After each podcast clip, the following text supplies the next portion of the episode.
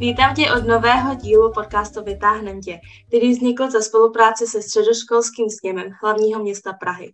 Dnes u mikrofonu sedí Anička a mým dnešním hostem je Leha, která je designérka digitálního produktu Oxlab. Ahoj. Ahoj. Na začátek bych se tě chtěla zeptat, jaký je rozdíl mezi grafickým designérem a digitálním designérem?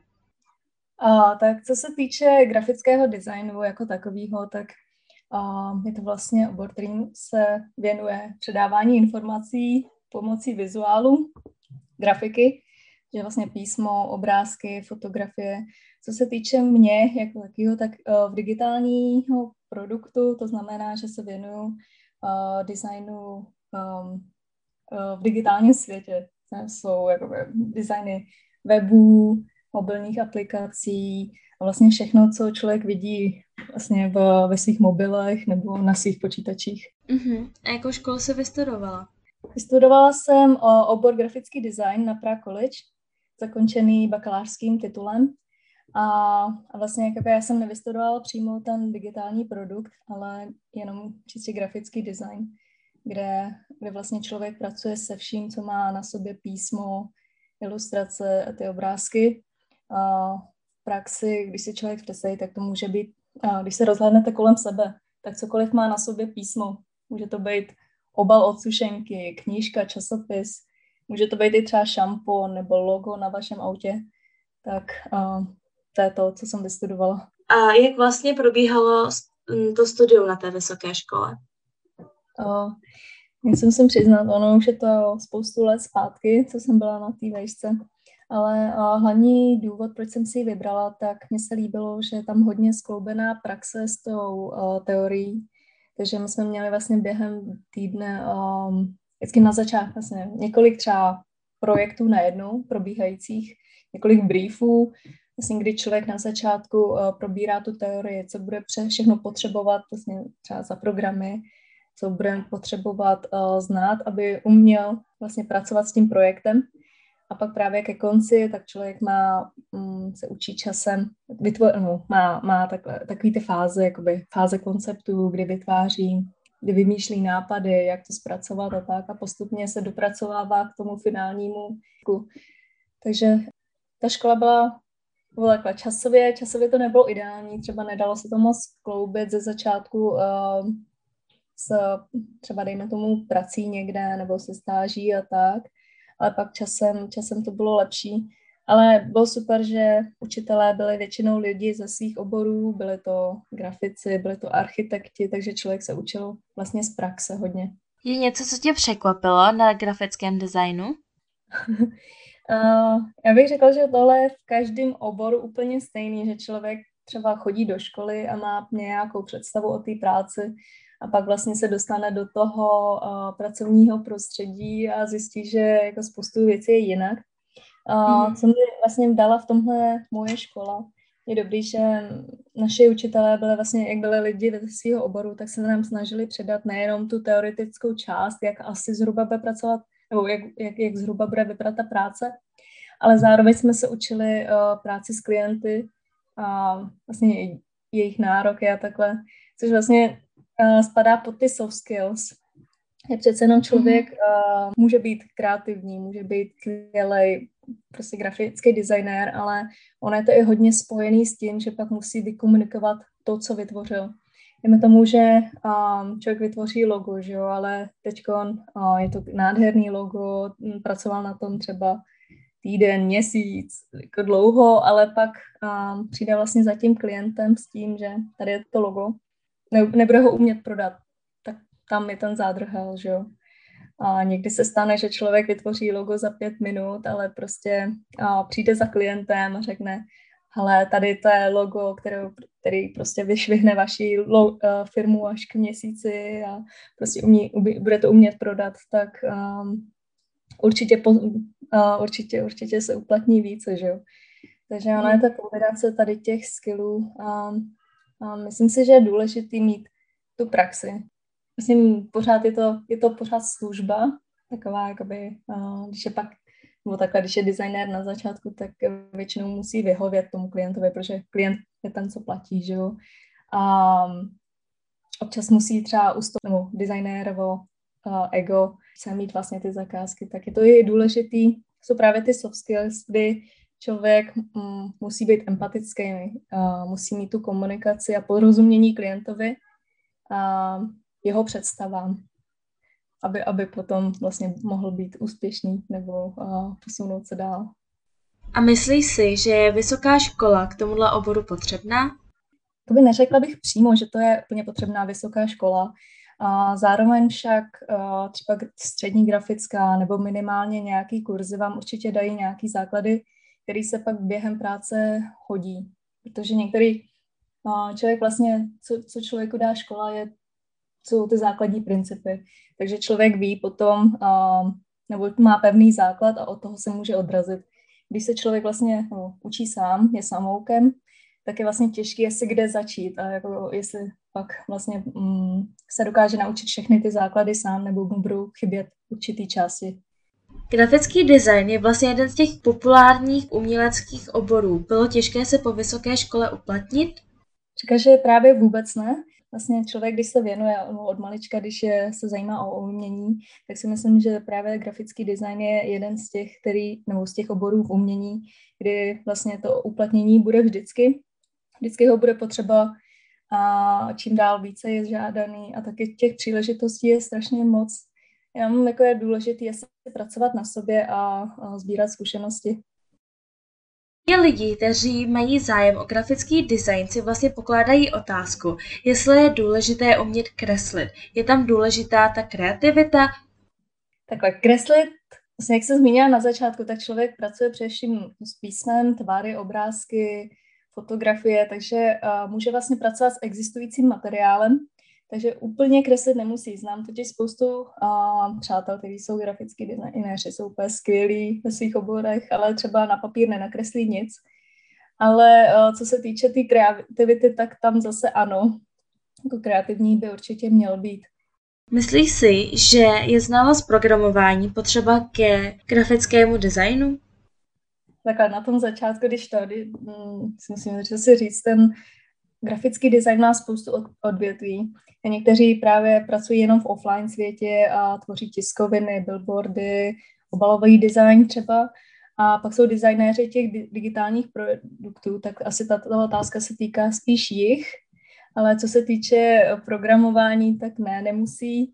Přece nechceme brát uh, práci programátorům, že jo. Ale Myslím si, že to je velká výhoda, když třeba člověk umí uh, aspoň základy. Je třeba existuje spoustu, teď, nebo v dnešní době existuje spoustu nástrojů, kde vlastně člověk si vytvoří ten design a už ten nástroj nám pomůže ho převést vlastně do kódu. Ale um, co se týče jako digitálního designéra, tak já bych řekla, že nemusí umět kódovat, ale určitě, ať se naučí základy, třeba ať zná jenom principy, jak to funguje, protože myslím si, že tím, že když člověk zná aspoň trochu toho kódu, tak uh, se z něj stane lepší grafik, tím, že pomů- nebo tím, že to cokoliv tvoří, tak má v hlavě to, že to musí vytvořit jednoduše pro, pak pro toho programátora. Tím lépe vlastně pochopí, jak uh, programátor pracuje a, a taky mu usnadní práci potom později. Grafický design uh, ne, může být, uh, může pracovat pod nějakou firmou, pod nějakou agenturou, nebo může pracovat pod, uh, jako freelancer. Dokázal bys nám vysvětlit, jaký v tom je hlavní rozdíl, jaké jsou výhody a nevýhody? Mm-hmm, určitě. Asi na začátku že tak je to hodně individuální a určitě bych doporučila si zkusit obě varianty, protože každý mu vyhovuje úplně něco jiného. Taky si myslím, že v dnešní době to spoustu lidí kombinuje obě, obě dvě. Co se týče práce freelancera, tak výhody jsou určitě, člověk má volnou pracovní dobu, pracuje tolik, kolik si umane. Vlastně, když si mm, člověk vezme hodně zakázek, tak pracuje více, když si chce dát volno, tak vlastně může odmítnout všechny zakázky, že jo. Má vlastní ceny, má přímou komunikaci s klientem, a vlastně možnost výběru projektu, takže si cokoliv vlastně člověku přijde, tak si může říct, že buď to chce dělat, nebo nechce dělat, že jo. A co se týče nevýhod u toho, tak může být nestálost, protože se stane, že třeba najednou vám přijde strašně moc nabídek a pak třeba ani nespíte, že jo, pracujete přes noc. A, a jsou zase momenty, kdy zrovna není práce, prostě nebo přijdou třeba práce nebo zakázky, které vám zrovna nevyhovují, takže můžete být bez příjmu. Co se týče zase v ag- jako agentury, tak člověk má stálý plat, že jo, o, o, všechny zakázky domlouvá firma, takže vlastně k vám už přichází práce, kterou uh, máte vykonávat. Mnohdy máte za sebou nebo se sebou taky tým, který vám může pomoct během té práce. A co se týče pracovní doby, tak asi bude stála. No, každá, každá firma to má trošku jinak, ale většinou je to stála pracovní doba, což má jakoby výhody v tom, že uh, člověk třeba pracuje od 10 do 6, tak v 6 hodin prostě ví, že mu končí pracovní doba, tak zaklapne počítač a může jít domů s, vlastně s úplně čistou hlavou. A což vlastně u freelancera, člověk, když zaklapne ten počítač, tak vlastně pořád přemýšlíte, že zítra vlastně musíte třeba odevzdat, jo, nebo jako to, takže si to berete víc domů, tu práci. To bych asi řekla, že to jsou ty výhody v té agentuře, ale nevýhody v agentuře zase, že třeba si neúplně nevybíráte že, projekty, na kterých pracujete. Když vám něco přijde uh, z firmy, tak se tomu musíte věnovat a tak, ale tak myslím si, že právě každému vyhovuje něco úplně jiného. Jinýho. A co třeba vyhovovalo tobě? A, tak já jsem to měla právě kombinované. Já jsem spíš jakoby kombinovaně, uh, že pracuji v agentuře uh, na plný úvazek a pak jsem tam, když mi přijdou některé zakázky bokem a přijdou mi zajímavý, tak se jim věnuju. A když ne, tak odmítám. A, a taky záleží na pracovní vytíženosti. Když třeba je to v práci hodně stresový nebo stresovější období, tak třeba nepřijímám žádný uh, zakázky, abych to měla taky mhm. volnější. Pak když třeba cítím, že uh, bych měla jako třeba, dejme tomu ve firmě, jsem dlouho na některém projektu a potřebuju trošku vypnout na něčem jiným, tak si třeba přiberu uh, bokem něco tak vlastně hodně lidí si plete grafického designéra a ilustrátora. Řekla bys nám, jaký je tam mezi nimi rozdíl? Mm-hmm, určitě. Uh, tak vlastně z toho názvu, že ilustrátor maluje, vytváří obrázky, vytváří vlastně ten uh, content uh, a, vla, uh, si týče toho ilustrátora, tak ten asi by umě, měl, měl umět kreslit. To vlastně se vytváří ty vizuály, a nemyslím si ani, že ilustrátor musí mít nějaké znalosti, většinou má spíš jako nějaký styl svůj, no, vlastně se vydá nějakým směrem, může být úplně bez, bez školy a můžou to být i děti, už můžou být ilustrátory. A co se týče toho um, grafika, tak ten, ten může být i třeba i grafik, i ilustrátor, ale většinou vlastně už přebírá třeba práci ilustrátora a pak ji zapracovává. Na tomu, když tvoříte knížku s ilustracemi, tak vlastně ilustrátor tvoří ilustrace a grafik se pak stará o, o výběr písma, o to, jak ta ilustrace, kde bude, leže, kde bude vlastně v té knižce, že jo, jako jestli napravo, nalevo, dole, nahoře, a jak poběží písmo a tak. A tak takhle bych asi řekla, jaký je mezi nimi hlavní rozdíl. E, grafik pracuje s tím, co je vytvořené, anebo si jako vytvoří třeba vlastní content, ale nemusí umět kreslit. Když to ilustrátor vyloženě vytváří ty ilustrace, obrazky a tak. Jak by vlastně člověk měl začít s tím grafickým designem? Je nějaký program, který by si, který by si doporučila pro začátečníky? Tak v dnešní době je spoustu možností, že jo? A ještě když člověk půjde na Google, tak uh, tam najde strašně moc informací o tom, jak začít.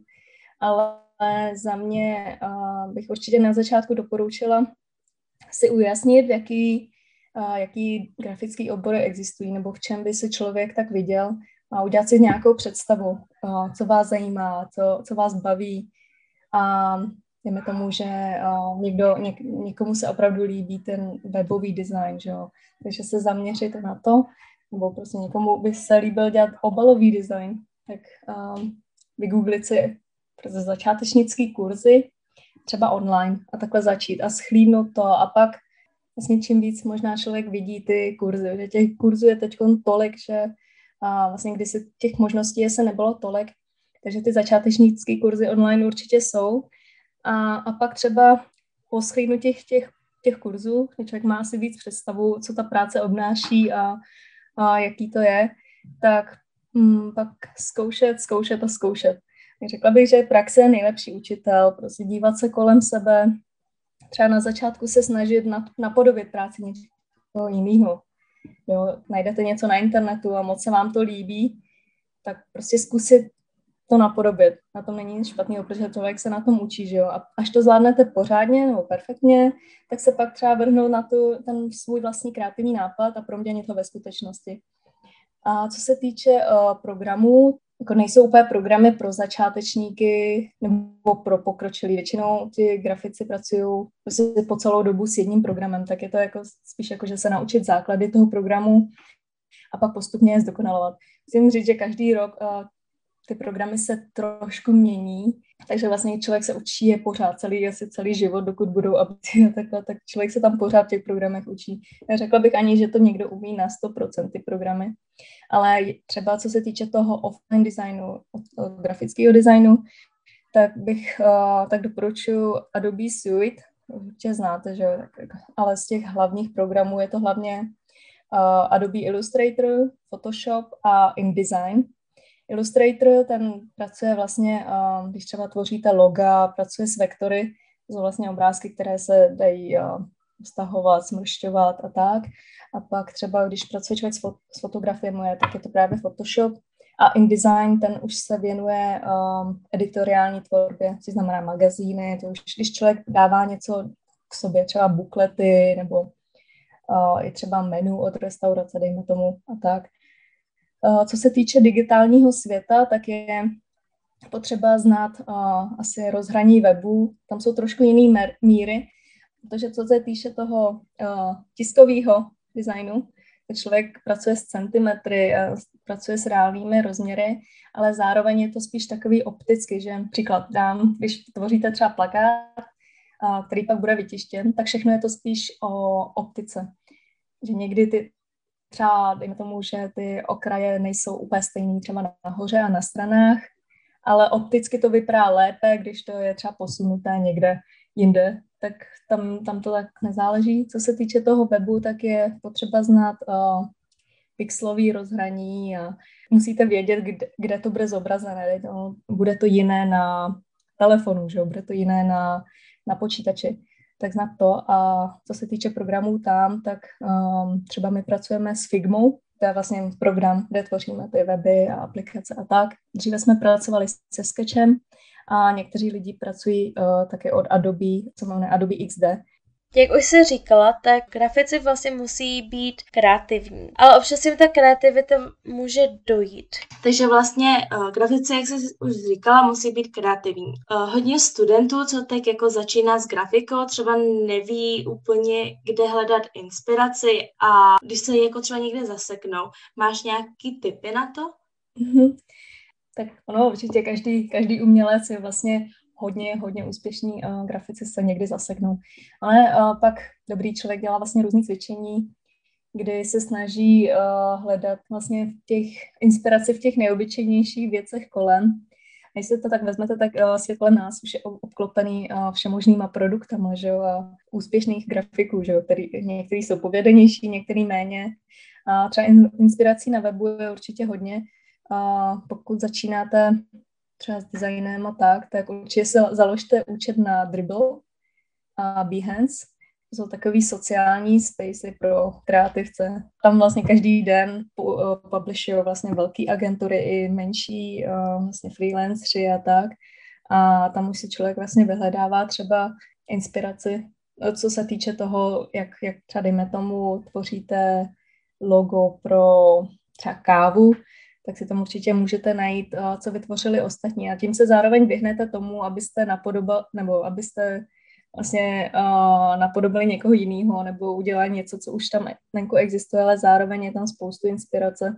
Vlastně ze začátku je taky dobrý, co mi přijde, co mám, což mám vlastně ze školy, tak když člověk někam jde, něco se mu líbí, vyfotit si to, uložit si to, a když máte třeba nějaký nápad, zapsat si to uh, do mobilu, že aby to člověk ne, nezapomněl. A pak uh, postupně, myslím si, že když právě člověk uh, se dívá více kolem sebe, fotí si věci, co se mu líbí, pak z tohohle může čerpat. A pak třeba časem si člověk vytvoří ten vlastní styl a už vlastně ho třeba napadají sami ty, ty nápady. Občas inspirace pak přijde třeba úplně z obyčejných věcí, jako třeba s rozhovorem s někým, že, že třeba s kamarádem se bavíte a, a zmíníte něco a z toho najednou a vznikne ta inspirace. Ale ještě jednou, jak jsem zmínila, Dribble a Behance jsou určitě uh, dva portály, mm, kde by vlastně ten kreativec měl existovat a měl by se tam dívat, tam prostě jsou tam i trendy vlastně, které jsou a, a člověk vidí i práce ostatních, tak to je podle mě určitě největší inspirace. Tak jo, tak já děkuji moc za rozhovor. Jo, já a... taky děkuji. Doufám, že se vám dnešní díl líbil a určitě nás nezapomeňte sledovat na Facebooku a na Instagramu.